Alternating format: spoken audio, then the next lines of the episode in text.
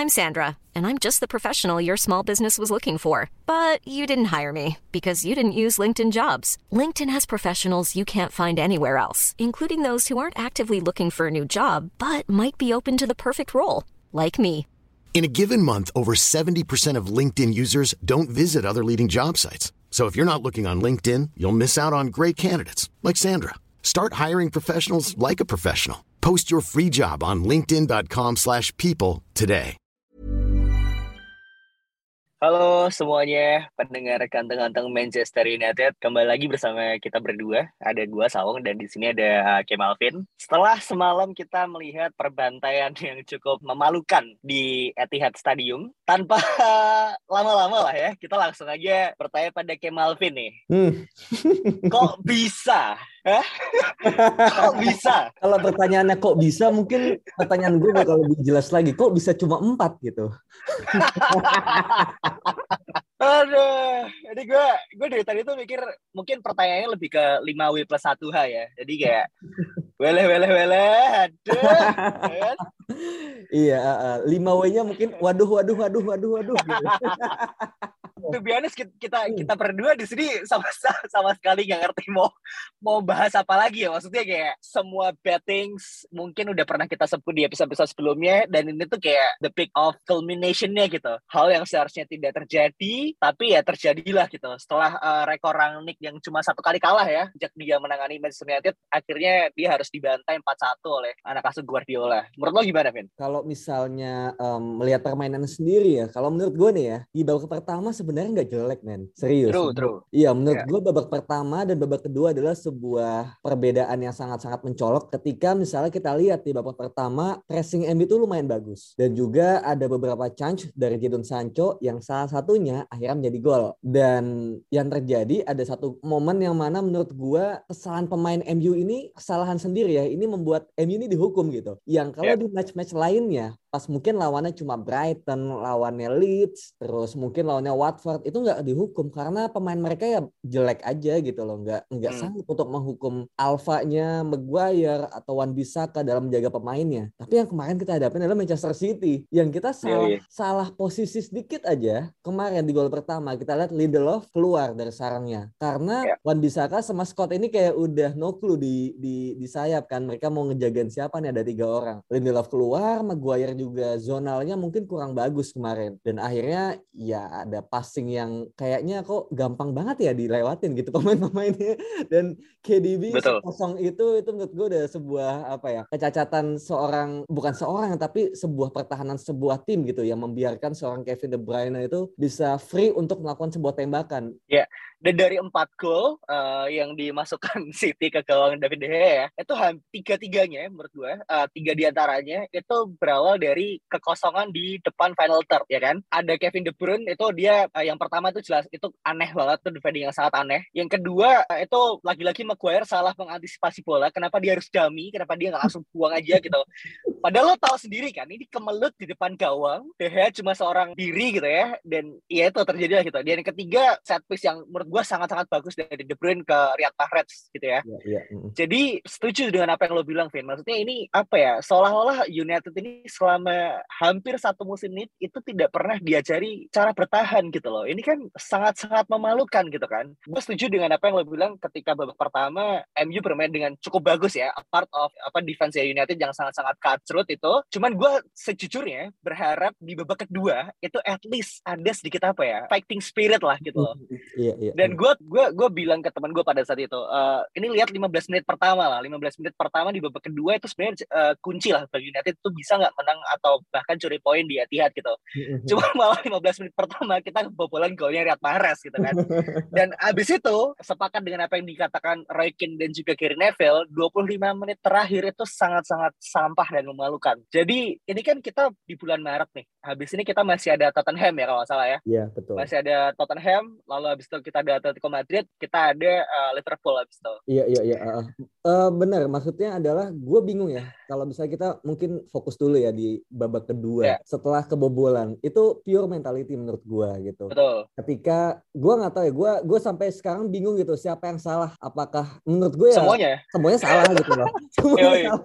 klubnya salah juga gitu loh dari pemain yang mungkin mentalitinya udah hancur juga, uang gantinya jelek dan juga kita punya pelatih yang punya high standard akan pemainnya dan pemain ini ya. nggak bisa mengikuti apa yang dia mau gitu. Mungkin ya gue bakal mention sebuah perbandingan. Let's say kita bicara pelatih kita sebelumnya yaitu Ole, yang mana Ole ini bisa membawa kemenangan beberapa kemenangan ya di Etihad dan juga di Old Trafford sekali atau dua kali gue lupa. Yang mana mungkin secara kasat mata kita bisa melihat bahwa wah Ole taktiknya bagus nih berhasil melawan City. Menurut gue betul gitu loh dengan pemain-pemain yang ada, mungkin taktik terbaik adalah parkir bertahan gitu loh, parkir bis, ya kan? Mhm. Ini pemain-pemain seperti Wan bisa ke seperti mungkin kalau dulu ada Daniel James dan juga Fred dan Scott McTominay, yang mana pemain-pemain ini lebih terbiasa untuk sit deep daripada pressing selama 90 menit. Yang mhm. ketika sekarang kita berganti pelatih, pemainnya kan masih sama nih.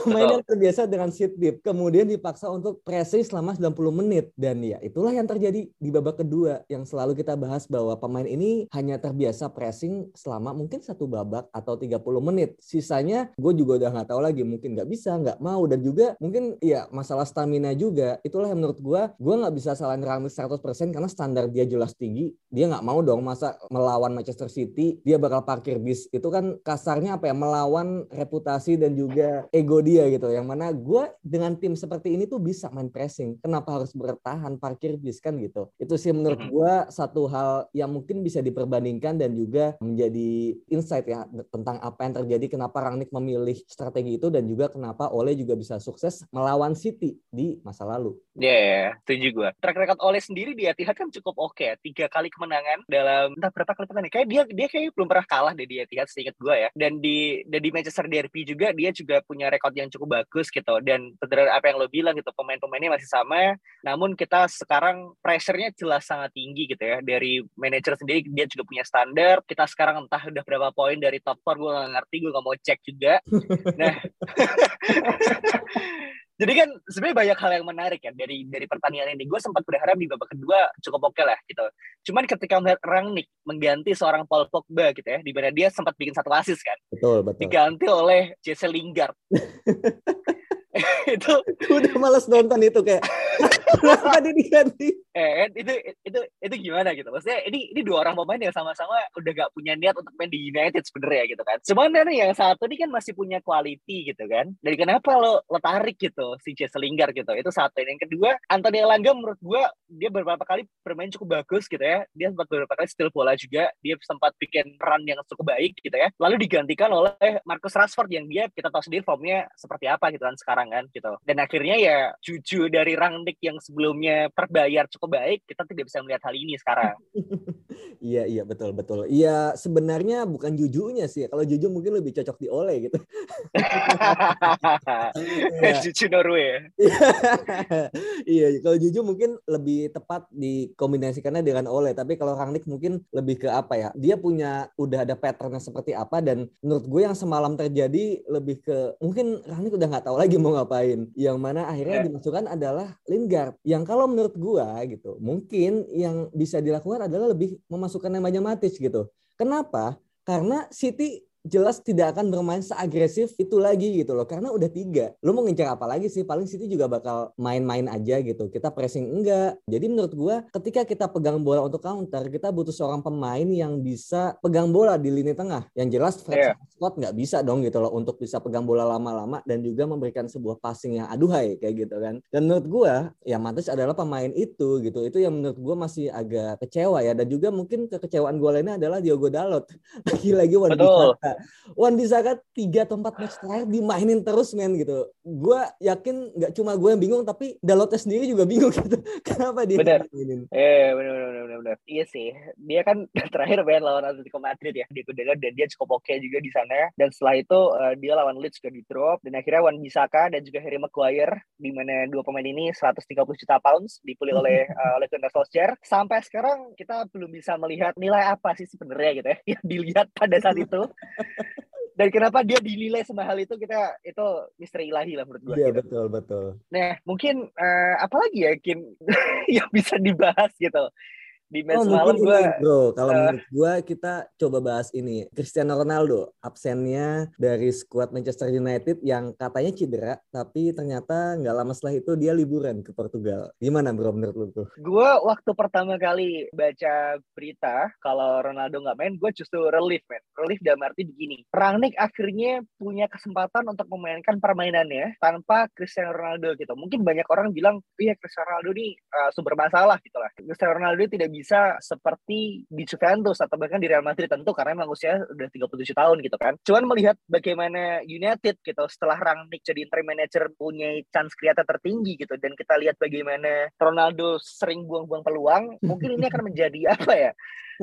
Game yang yang menarik gitu. Menurut yeah, gue yeah. pada saat itu seperti itu gitu kan. Mm-hmm. Dan akhirnya Jadon Sancho dengan piawainya dia mencetak gol sangat-sangat bagus dan itu itu mungkin tidak akan terjadi kalau misalnya ada Ronaldo di situ gitu. Dia kan pasti akan cari gue passing ke mana nih gitu kan. Karena dia mau mau shooting sendiri pasti nggak enak segala macam kayak gitu gitulah. Iya yeah, iya. Yeah. Mm-hmm. Jadi menariknya di situ gitu. Cuman yang anehnya adalah setelah game ini selesai para pemain-pemain ini dibilang nih ke media. Gue nggak tahu siapa yang bilang. Dia bilang, iya kita kecewa Ronaldo tidak ada di stadion gitu karena hmm. dengan adanya kehadiran dia harusnya bisa menjadi penyemangat lah bagi kita untuk melawan Manchester City. Menurut gue ini this is such a bullshit man. Ini ngomong kosong banget gitu. Maksudnya lo gimana? Lo mau main bola tapi lo berharap kayak kehadiran seseorang untuk jadi penyemangat lo gitu. Ngerti nggak? Maksudnya apa yang terjadi di lapangan ya it will stay on the pitch gitu. No matter siapa pun yang nonton kan pasti ada di situ gitu. Makanya seperti yang lo bilang tadi Vin pertandingan ini sangat-sangat menjelaskan bagaimana keadaan di ruang ganti di luar ruang ganti dan juga off the pitch itu seperti apa gitu. Dan ternyata sangat-sangat kacau United ini. Bukan hanya seorang Ronaldo aja gitu ya. Mungkin Ronaldo bukan masalah tapi dia juga bukan solusi menurut gue iya iya uh, uh, itu benar gitu. Ronaldo bukan bukan masalah dan juga solusi juga bukan gitu loh. Tapi kalau misalnya kemarin ya gue pernah bilang juga bahwa ya ketika menyerang pun Ronaldo bisa menjadi masalah gitu terlepas dari kemampuan mencetak gol gitu. Gue nggak bilang yeah, dia finger, yeah. dia nggak bilang dia the only one atau root cause-nya itu adalah Ronaldo enggak, tapi Betul. dia bisa menjadi masalah gitu loh. Yang mana um, dari segi permainan dan juga taktik yang dijalankan pada akhirnya Rangnick benar yang lo bilang tadi Rangnick menyadari bahwa ini ada yang salah nih dengan taktik pressing gue yang nggak jalan nih gitu dan Yeah. Iya, katanya kan Ronaldo agak ngambek gitu kan. Awalnya dibilangnya gitu kan. Awalnya ngambek kalau ketika dia tahu bahwa Rangnick ini tidak akan memainkan dia menjadi starter, kemudian dia memilih untuk udahlah, gue mending gak usah masuk squad sekalian gitu kan daripada jadi cadangan. itu anjing banget sih kalau bener kayak gitu ya. Tapi ternyata katanya itu cedera. Yang mana again ya kita nggak pernah tahu berita mana yang benar. Cedera pun kita nggak tahu juga. Dan kalau misalnya hmm. menurut lu itu salah ketika sebuah tim itu mengenalkan seorang pemain untuk present ya kalau gue melihat justru profesionalitas Ronaldo dipertanyakan di sini gitu loh yang kayaknya harusnya ya dia sebagai seorang senior yang mana dia udah bertahun-tahun untuk MU bermain dan juga mungkin banyak pengalaman juga dan juga gol ya di Manchester Derby di masa lalu. Kenapa dia tidak memilih untuk hadir di at least di ruang ganti atau misalnya di bangku penonton gitu. Setidaknya hadir untuk menyemangati tim gitu. Itu kalau dari sudut pandang gue yang melihat dia sebagai sosok yang dihormati oleh dressing room bahkan ada momen di mana Maguire kalah vote gitu loh, kalah suara dalam arti lebih suka Ronaldo menjadi seorang leader, tapi malah leadernya ini meninggalkan timnya yang lagi carut marut gitu melawan tim yang sedang ada di puncak klasemen yaitu Manchester City. Itu yang menurut gue kayak apa ya dari Ronaldo sendiri kenapa dia memilih untuk pergi ke Portugal gitu loh. Itu yang again masih menjadi asumsi gue, masih menjadi pertanyaan kenapa dia melakukan itu dan ini mungkin ya bakal menjadi hal yang nggak akan pernah terjawab juga gitu karena ya udah terjadi. Itu sih kalau dari gue ngelihatnya ya bisa jadi sih. Mungkin pertanyaan ini tidak bisa dijawab ya karena pasti yang tahu kan uh, sendiri gitu kenapa dia harus balik ke Portugal gitu. Cuman memang menurut gue apa ya mungkin sebagai seorang manusia juga gitu ya uh, Ronaldo dengan segala prestasinya gitu dia seingat gue tidak pernah berada di titik serendah ini gitu entah dalam segi karir uh, individualnya maupun dari segi klub gitu. Jadi nggak salah juga gitu kalau misalkan dia memang pingin take a day off untuk refresh his mind gitu ya. Mungkin dia pengen punya uh, satu momen di mana dia bisa detach dari klubnya menurut gue sih menurut gue sih nggak masalah gitu karena karena pertama pertama gini Vin, oke memang dia sosok gitu ya. Cuma kan dia bukan kapten klub ya gak? Dia bukan kapten klub nih. Dan yang kapten klub yang main di situ menyedihkannya adalah ketika post match interview bukan dia yang turun jadi tapi maskot McTominay gitu loh. Bukan dia menjelaskan kenapa uh, permainan United seperti ini gitu ya. Bukan dia yang meminta maaf kepada fans segala macam. Enggak, tapi malah Scott McTominay yang bilang gitu. Dia yang keluar, David De Gea yang bikin tweet seperti itu gitu ya, dia benar-benar minta maaf segala macam. There's not a single I don't know apology or tweet from from him gitu. Jadi menurut gue dari segi profesionalitas pun Maguire masih jauh lah di bawah Ronaldo gitu loh. Kalau kita masih uh, bicara tentang ini gitu ya. Cuman ya kita coba akan fokus bicara ini ke hal yang lain karena ini akan sangat-sangat personal bagi gue sendiri. ya. Oke oke. Jadi oke, okay, too much negativity ya kan, Ben? Coba kita ambil satu positif di match semalam apa kira-kira? Kalau satu positif adalah gue melihat bahwa pressing MU bagus di babak pertama. Yang mana okay. gue melihat bahwa Bruno dan Pogba ini dua-duanya ada di center yang bisa menekan dua backnya Manchester City. Itu sih satu hal yang kayak gue melihat bahwa ini tim kalau misalnya nanti di ke depannya di musim depan ya misalnya kita memiliki satu pemain depan yang lebih muda yang lebih punya stamina bagus itu bakal bakal bisa berjalan gitu. Karena gue nggak bilang Ronaldo ini gue nggak mau ada di MU gitu. Finish gua, ya? Iya, gue gue nggak bilang finish. Gue nggak bilang Ronaldo finish gitu, tapi harus di manage dengan lebih baik lagi gitu loh. Iya iya iya. Dan itu gue nggak yakin sih pelatih nantinya bisa untuk itu. Jadi pada akhirnya itu menjadi sebuah dilema ya. Dan jika memang pada akhirnya kita punya striker yang yang lebih muda dan lebih bisa pressing gitu, menurut gue itu akan sangat bisa masuk gitu ke filosofinya Rangnick dan juga pelatih barunya entah itu Ten Hag atau misalnya Pochettino atau siapa pun itu gitu. Kita bakal bermain dengan pressing yang lebih organized layaknya Liverpool, Manchester City ataupun Bayern Munchen gitu. Cuma ya balik lagi gitu, satu pemain juga nggak akan langsung bisa mengubah semuanya karena ya namanya highline itu kan harus dari depan sampai belakang. Yang kalau misalnya kita mau main highline, again back kita mungkin belum mumpuni, kiper kita juga belum mumpuni untuk highline kayak gitu. Jadi sebenarnya untuk sampai tahap ini ya MU harus benar-benar melakukan perubahan besar-besaran dari depan sampai belakang kalau mau ke level selanjutnya. Menurut gue sih itu. Betul betul. Kalau misalnya tadi lo bilang uh, kalau misalnya kita punya ini ya striker yang lebih muda dan bisa pressing, sebenarnya di kita tuh ada Vin striker muda yang bisa pressing, lebih muda dari Ronaldo tapi bisa pressing gitu loh. Dia tuh Edinson Cavani, cuma kan dia nggak mau main ya. dia secara usia lebih muda dari Ronaldo, dia bisa pressing tapi dia nggak mau main aja. Entah dia mau iya. cuma collect collecting his paycheck terus uh, jadi apa namanya farmer di Uruguay juga gue kita nggak iya. tahu.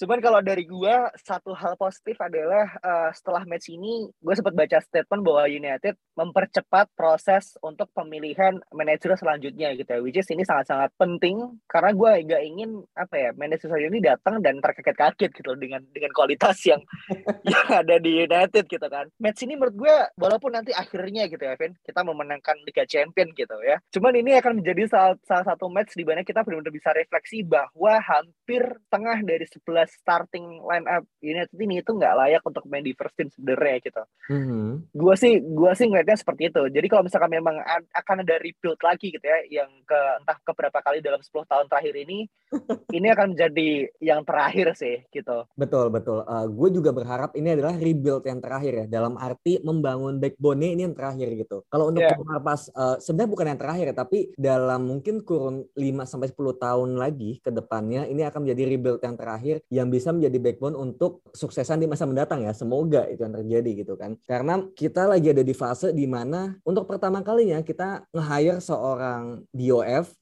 kita punya John Murtaugh ya kan dari musim lalu dan juga akhirnya dia menunjuk Ralf Rangnick sebagai konsultan ya di musim depan gitu. Yang mana sebenarnya kita juga masih belum tahu ya seberapa kuat pengaruh Rangnick nantinya dalam pengambilan keputusan. Jangan-jangan kan dia cuma diberikan role tapi ternyata nanti decision makernya adalah Arnold ya gak ngerti bola okay. juga gitu ya kan. Jadi uh. kita again kita nggak tahu juga gitu loh ke depannya seberapa kuat pengaruh Rangnick di manajemen itu. Tapi at least kita kasih benefit of the doubt setidaknya karena MU lagi apa ya berbenah dan juga lagi di masa yang kita belum pernah merasakan ini kan gitu. Maksudnya adalah lagi melakukan hal-hal yang belum pernah dilakukan gitu. Jadi kita bisa hargai prosesnya dan juga kalau masalah rebuild ya tadi gue denger dari lo juga kalau kita menebak-tebak aja nih kita um, berasumsi aja nih. Tadi lo sempat hmm. mention hmm. bahwa ada sekitar 5 sampai 6 pemain yang nggak layak ada di MU gitu. Yoi. Lebih dari sisi attitude kali ya daripada skill Betul. sendiri ya. Kalau yang gue tangkap dari Roy Keane adalah lebih ke attitude ya gitu. Yeah. Siapa aja nih menurut Kayak seru yeah, kita kalau main tuduh-tuduh nih seru banget ya Ken. Sebenarnya kan gini Vin, rebuild ini kan bukan hanya lo membeli pemain yang tepat gitu kan, tapi juga membiarkan manajemen ini membeli seorang pemain, satu atau dua pemain yang mungkin nggak tepat gitu ya secara permainannya secara attitude-nya dalam sebuah tim. Tapi juga lo nggak harus stuck di situ mulu gitu loh. Manajemen tuh harusnya seperti itu gitu. Kalau misalnya pemain ini nggak cocok sama uh, klub lo ya lo jual aja langsung. Lo nggak perlu apa ya reward mereka dengan lima game yang bagus habis itu lo kasih kontrak yang bagus. Kan nggak gitu kan. Harusnya kan seperti itu gitu ya. Jadi kalau misalnya kita menilik klub Manchester City let's say gitu ya. Waktu Pep Guardiola pertama kali datang ke sana mereka tuh beli pemain-pemain nggak jelas juga gitu loh. Ada Wilfried Bony kalau kalau lo inget gitu kan ada Elequim Mangala yeah. ada Stefan Jovetic gitu. Ini kan pemain yang secara quality mereka cukup oke okay, tapi kan nggak nggak cocok untuk culture Manchester City kan. Nah harapan gue tuh nanti seperti itu gitu. Sekarang ini situasinya di United adalah pemain yang bagus dalam 5 match 10 match abis itu langsung lo dikasih kontrak baru gitu. Ini kan sangat-sangat gak sehat gitu kan. Nah kalau misalnya lo nanya tadi ada lima orang pemain lah. Gue gue bilang lima lah enam kalau mungkin kebanyakan lah. Cuma lima orang yang gak cocok. Pertama kali pasti Harry Maguire. Kalau gue gitu. Harry Maguire, kedua Aaron Wan-Bissaka, tiga adalah Luke Shaw, keempat oh, Jesse Lingard. Dulu dulu Luke Shaw kayaknya lu suka banget ya kayaknya. Dia dia dia quality, Bro tapi he doesn't have what it takes to be at Manchester United gitu ya. Terutama dengan sepak bola seperti sekarang gitu loh. Di mana ya fullback tuh ya nggak cuma lo bisa defend tapi lo bisa nyerang juga. Makanya gue nggak ingin punya pemain yang setengah-setengah gitu. Yang lo cuma bisa defend dong kayak Armani bisa ya udah buang aja. Shaw mungkin kalau bisa dia mau jadi defense ya udah defense aja. Terus kayak siapa lagi ya? Jesse Lingard gue udah sebut tadi ah, Paul Pogba gimana ya? Anjing dia tuh bagus tapi kayak kampret gitu loh. Jadi Paul Pogba sama sekarang kayak Madison Cavani sih. Hmm. Uh, Rashford enggak nih yang katanya mau pindah nih? Wah, itu juga bangke juga sih. Tapi gue kasih gue kasih gue kasih benefit of the doubt juga gitu karena kita nggak tahu kalau misalkan dia nanti di di manage oleh Pochettino gitu atau mungkin hmm. Ten Hag yang yang gue denger mereka juga mayor sama si Marcus Rashford mungkin dia bisa menemukan performanya lagi gitu. Karena ini orang sebenarnya nggak nggak jelek gitu. Kalau kalau dia bisa mempertahankan attitude yang home ground wonder kid segala macamnya harusnya sih masih bisa untuk comeback lagi gitu nah, sih. Bro bro kan katanya kemarin kita kasih benefit of the doubt nih ya. Katanya kemarin cedera bahu ya kan Nah itu anjing tuh. Kita bikin episode sendiri. Emang brengsek emang. udah udah operasi nih ya. Kita kasih waktu dua bulan untuk recovery kan. Balik-balik sempat bagus dikit tuh. Tapi kok lama-lama jadi kayak lebih jelek dari sebelum operasi gitu loh. Maksudnya dari pas lagi cedera gitu loh. Pas lagi cedera kan hmm. dia sempat bagus lah ya. Ada ada momen bagus nggak bagus nggak. Ya cuma menurut gue sekarang tuh di apa ya kayak worst momennya Marcus Rashford ya di, di di karir sebagai pemain MU menurut gue di situ dia titiknya sekarang. Benar sih. Uh, makanya gue ngerti nih apakah dia memang sudah menikmati spotlightnya gitu ya. Selama setahun terakhir kan dia sangat-sangat disorot gitu entah dalam segi permainannya gitu. Dia mencetak 20 gol back to back dalam dua season which is rekor terbaik dia gitu ya di Manchester United dan setelah itu dia tentu disorot dari segi media juga gitu dengan apa yang telah dia capai off the pitch gitu kan. Tentu musim ini dia tidak bisa memberikan performa yang baik buat United lalu dia mengeluh kenapa dia tidak bisa dapat starting line up. Ini kan gimana ya maksudnya ketika lo lo kan harusnya malu ya. Lo punya hmm. lo nomor 10 nih ya kan? Lo superstar di Inggris bro gitu. Lo Marcus Rashford gitu. How could you let 19 year old kid Anthony Elanga gitu ya? Ya mungkin gajinya aja nggak nggak setengah nggak nggak ada setengah dari gaji lo gitu. Itu dapetin posisi lo di starting line up men gitu loh. Dan respon yang lo kasih adalah lo ngeluh. Gue nggak tahu nih gue mau main di MU lagi atau enggak ini kan cacat logika banget kan Iya gak sih? iya iya. Makanya gue apa ya maksudnya Daniel saya mungkin nggak nggak akan kepikiran seperti itu gitu loh. Dia bahkan ya udah kalau gue dikasih main gue akan main kalau enggak ya udahlah gitu. Makanya beda mentalitinya di situ sih gitu. Dan gue harap musim ini akan benar-benar jadi pembelajaran sih entah bagi manajemen juga untuk melihat bagaimana attitude pemain ini, pemain ini sangat-sangat berpengaruh ya dalam uh, di dalam lapangan dan juga untuk menemukan the right personal gitu sih untuk ada di hmm. starting lineup kita. Oke okay, oke. Okay. Uh, eh, by the way ini gue baru baca di United Report ya. Um, nggak tahu ini benar atau enggak katanya PSG mau beli Marcus Rashford. Seandainya nih, seandainya dia menawar 50 juta musim depan ya. Dengan situasi Oh, iya. Yang sampai akhir musim formnya masih gini-gini aja nih. Di cadangan terus, sekalinya main gak kasih impact, decision makingnya salah dan 50 juta men di summer nanti yang mana mungkin uangnya bisa buat beli Anthony atau Rafinya menurut lo bijak nggak kalau kita lepas Rashford 50 juta pounds untuk Marcus Rashford anjir. Plus Mbappe nggak tuh?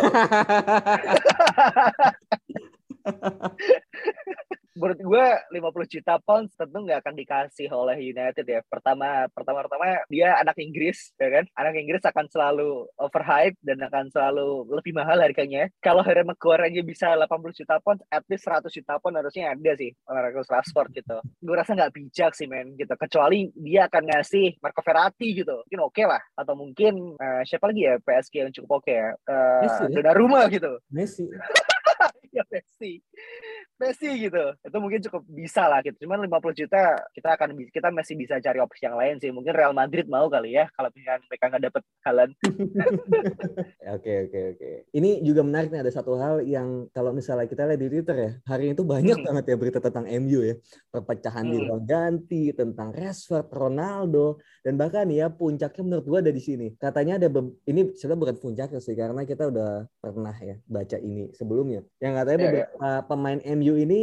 mempertanyakan CV-nya Rangnick dan juga tidak puas dengan metodenya. Gitu. Jadi kayak Anjir, itu kayak kata eh, pemain-pemainnya itu kayak ngapain lu hire pelatih yang kemarin itu dia tuh bahkan bukan pelatih tapi sporting director di Liga Rusia gitu. Ngapain lu hire dia? Gitu. Jadi mempertanyakan CV-nya sebagai pelatih. Ini menurut lu apa nih yang terjadi dengan dressing room MU yang kok kayaknya setiap ada pelatih intinya kayak pingin segera diganti gitu loh. Maunya itu siapa sih gitu? Gue sampai bingung gue nggak gue nggak yakin pemain MU setolol itu sih. Kalau mereka mempertanyakan ah, CV dari seorang pelatih ya. Pertama pertama-tama itu dalam segi bidang pekerjaan apa pun ya cuma pemain bola mempertanyakan CV bos lu itu kan sangat sangat disrespect ya bro ya. Lo lo mau kerja di bagian mana aja? Kalau lo nanya anjing bos gue pengalamannya apa sih? Iya banget kan. Pasti kan lo pasti kalau nggak di SP3 dipecat lah gitu. Besoknya harusnya kan seperti itu gitu jadinya mungkin ada permainan media juga gue ngerti untuk membuat apa ya situasi makin gaduh atau memang kalau memang beneran iya gitu cari aja siapa abis itu tendang aja keluar gitu loh. Kita Jatuhnya- jadi klub. nggak tahu ya David Eh. De Gea gimana bro. Iya udah. Lo kan juga pengen Gea keluar kan? Kenapa? Lo kan juga pengen Gea keluar kan? Ya nggak sekarang nanti. Oh, nggak sekarang ya? Jangan sekarang Maksudnya- karena karena MU ini nih dikit tentang De Gea ya. Gue nggak mau Iya, iya, eh, Gea keluar sekarang karena MU masih menjadi tim yang diserang terus gitu. Jadi kita butuh Hmm. butuh kiper yang emang bisa shot stopping gitu.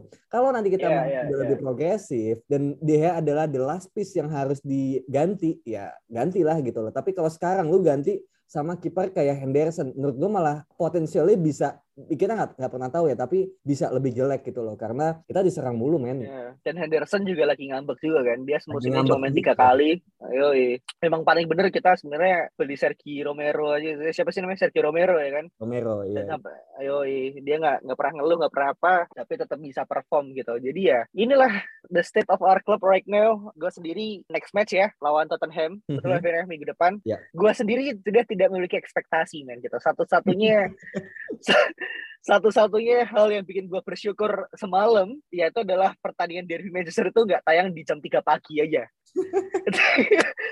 Itu yang bikin gue bersyukur ya. Karena gue capek banget bro. Lo lihat MU main jam 3 pagi kayak sampah ya kan. Jadi minggu depan lawan Tottenham Hotspur gue yakin gak, gak jam 3 pagi gue udah cek kalau nggak salah mungkin jam 9 jam 11 Enggak bro, jam setengah satu, cuma beda dua jam. Oke jam setengah satu masih oke lah masih oke lah habis itu selesai jam 3 lo nangis kan nyetel 3 am lo nyetel play play listen do gitu itu masih masih masih oke gitu apa yang akan lo uh, harapkan dari Rangnick untuk approach pertandingan lawan Antonio Conte dan Tottenham Hotspur bro Kalau misalnya pendekatan ya approach menurut gua ya dia udah tahu apa yang harus dia lakukan gitu dengan pressing dan juga dengan permainan yang build up dari bawah gitu. Dia udah tahu gitu dan dia nggak akan pernah mengubah itu. Cuma yang menurut gua akan selalu gue pertanyakan adalah lebih ke pemilihan pemain itu aja kayak misalnya Wan Bisaka ya gue bingung ya kenapa dimainin terus. Padahal Diogo Dalot itu sampai sebelum Leeds itu lagi bagus dan nggak pernah kalah hmm. setiap dia main. Tapi Wan pas Wan bisa main coba lawannya Wolves kita kalah. Terus kemarin kita lawan apa tuh yang kalah kan lawan City semalam kalah. Lawan hmm. apa Watford lagi carut marut gitu timnya yang mana kita harusnya bisa memainkan pemain yang lebih bagus ya dalam menyerang kita malah Wan bisa kayak kita mainin gitu. Jadi ada pemilihan-pemilihan pemain yang gue juga bingung dasarnya apa gitu loh. Yang kalau hmm. kita pakai data aja ada pemain yang lebih bagus dan lebih pantas main di situ. Itu sih menurut gue lebih ke pemilihan pemain yang mungkin um, to be honest gue juga ingin sesekali Rangnick memainkan Dean Henderson. Sekali, dua kali, tiga kali gitu untuk memberikan apa ya kayak ya oke okay lah DH emang lagi bagus gitu. Cuma mungkin dengan memainkan tipe kiper yang berbeda kita bisa melihat bahwa mungkin build up-nya bakal lebih bagus. Highline yang dimau yang di diinginkan oleh Rangnick ini bakal lebih berjalan dengan baik gitu. Karena Dean Henderson baru main ya cuma dua kali di bawah Rangnick kan, sekali di bawah Ole waktu hmm. itu. Jadi untuk menjustifikasi bahwa Henderson ini sejelek itu musim ini gitu, itu agak kurang kuat ya argumentasinya. Itu sih menurutku lebih kepada pemilihan pemain. Ya, mungkin ya gak sih kalau misalkan pemilihan Wan Bisaka gitu atau Maguire atau Alex Telles atau Luke Shaw atau pemain-pemain yang memang dia tidak bisa perform di bawah Rangnick itu disengaja oleh Rangnick agar manajemen melihat betapa jeleknya mereka gitu untuk dijual di musim depan. Eh, itu konspirasi yang bagus sih. iya, mungkin ya sih. Iya bisa aja sih. Sangat sangat yeah. mungkin gitu. Kalau kalau tetapi kayak terlalu risky aja gitu. Lu lu mempertaruhkan posisi empat loh untuk itu gitu. Cuma cuma kalau untuk gini, gue setuju gini adalah kalau misalnya untuk jangka pendek itu mungkin jelek banget ya kayak anjir lu peringkat empat kita gagal masuk Liga Champions gara-gara Rangnick misalnya sengaja memainkan pemain yang jelek biar kelihatan jelek ya gitu kan. Tapi kalau untuk jangka panjang ya itu bagus dong gitu. Kita gagal sekarang tapi jadi sadar bahwa oh ini harus diganti, ini diganti, ini diganti, ini ganti, gak cocok sama sistemnya. Ya dan ya pemain-pemain itu akhirnya digantikan oleh pemain yang seharusnya bisa lebih cocok pada sistem gitu. Itu kalau bicara sebuah perbandingan sih menurut gue untuk solusi long term bakal bagus. Cuma ya kita benar-benar harus downfall sedalam-dalamnya dulu gitu loh. Dengan pemain yang ada kayak gini kita Liga Champions champion bahkan kita mungkin di bawah Arsenal gitu loh kita sangat mungkin untuk mengalami fase itu dan tapi kalau misalnya nanti manajemen mendengarkan Rangnick solusi untuk transfer yang seperti apa itu kita akan meroket lebih cepat lagi dan bakal lebih yeah, sustain yeah. daripada yang mungkin kemarin-kemarin ya kayak cuma satu musim bagus, yeah, yeah. depannya jelek, bagus jelek gitu. Tapi sekarang mungkin lebih sustain dan juga backbone-nya bakal lebih terbentuk. Iya, yeah, jadi kan gue sempat baca juga akan nanti akan ada tiga orang gitu ya yang memiliki suara atau andil dalam uh, perekrutan pemain baru gitu ya. Itu Fletcher, John Murto, lalu uh, Ralf Rangnick gitu kan. Nah, mungkin Rangnick melakukan ini agar dia punya argumentasi kuat nih. Nih, nih pemain lo gue kasih kesempatan main di beberapa match dan lo lihat sendiri kan hasilnya kayak gimana gitu. lo jual aja lah berapa gitu. Ntar duitnya gue beli pemain yang oke okay, gitu, yang mungkin tidak punya nama sementereng mereka, cuman mereka punya favorites gitu. Iya, Yo, to be to be Manchester United gitu. Bener, mungkin uh, secara long term itu bagus gitu ya. Tapi bisa jadi juga, Vin, uh, Rafa ini sudah tidak memiliki harapan juga di di Premier League gitu. Jadi mungkin dia dia melihat kayaknya susah nih uh, Premier League gitu ya untuk untuk untuk dapat spot Liga Champion. Makanya dia fokusnya ya di UCL gitu.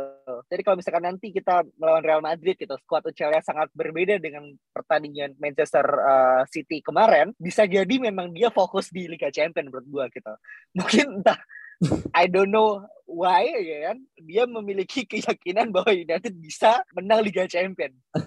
Saya sih. Gue jujurnya kalau yang statement lu awal-awal masih gue masih oke okay gitu. Tapi kalau yang terakhir kayak kita terlalu kayak terlalu gimana gitu kayak, karena kan Liga Champion gak tiap minggu ada gitu ya kan ya kan dan dan uh, ini kan bukan main game yang apa ya kita bermain bermain FIFA yang kita istirahatin pemain terus stamina nya bakal naik lagi di match setelahnya gitu kan ini kan lebih ke state of mentality juga, form of the match juga yang mana nggak bisa kemarin jelek sekarang bagus, terus jelek terus bagus lagi nggak bisa kan? Itu harus dibangun perlahan-lahan gitu. Jadi kayaknya kalau terakhir nggak mungkin, tapi gue lebih setuju statement yang pertama bahwa Rangnick musim ini tuh menilai gitu loh, kayak ajang hmm. pencarian bukan pencarian bakat ya, tapi justifikasi hari pengadilan. Ajang pembuangan bakat, ajang pembuangan bakat.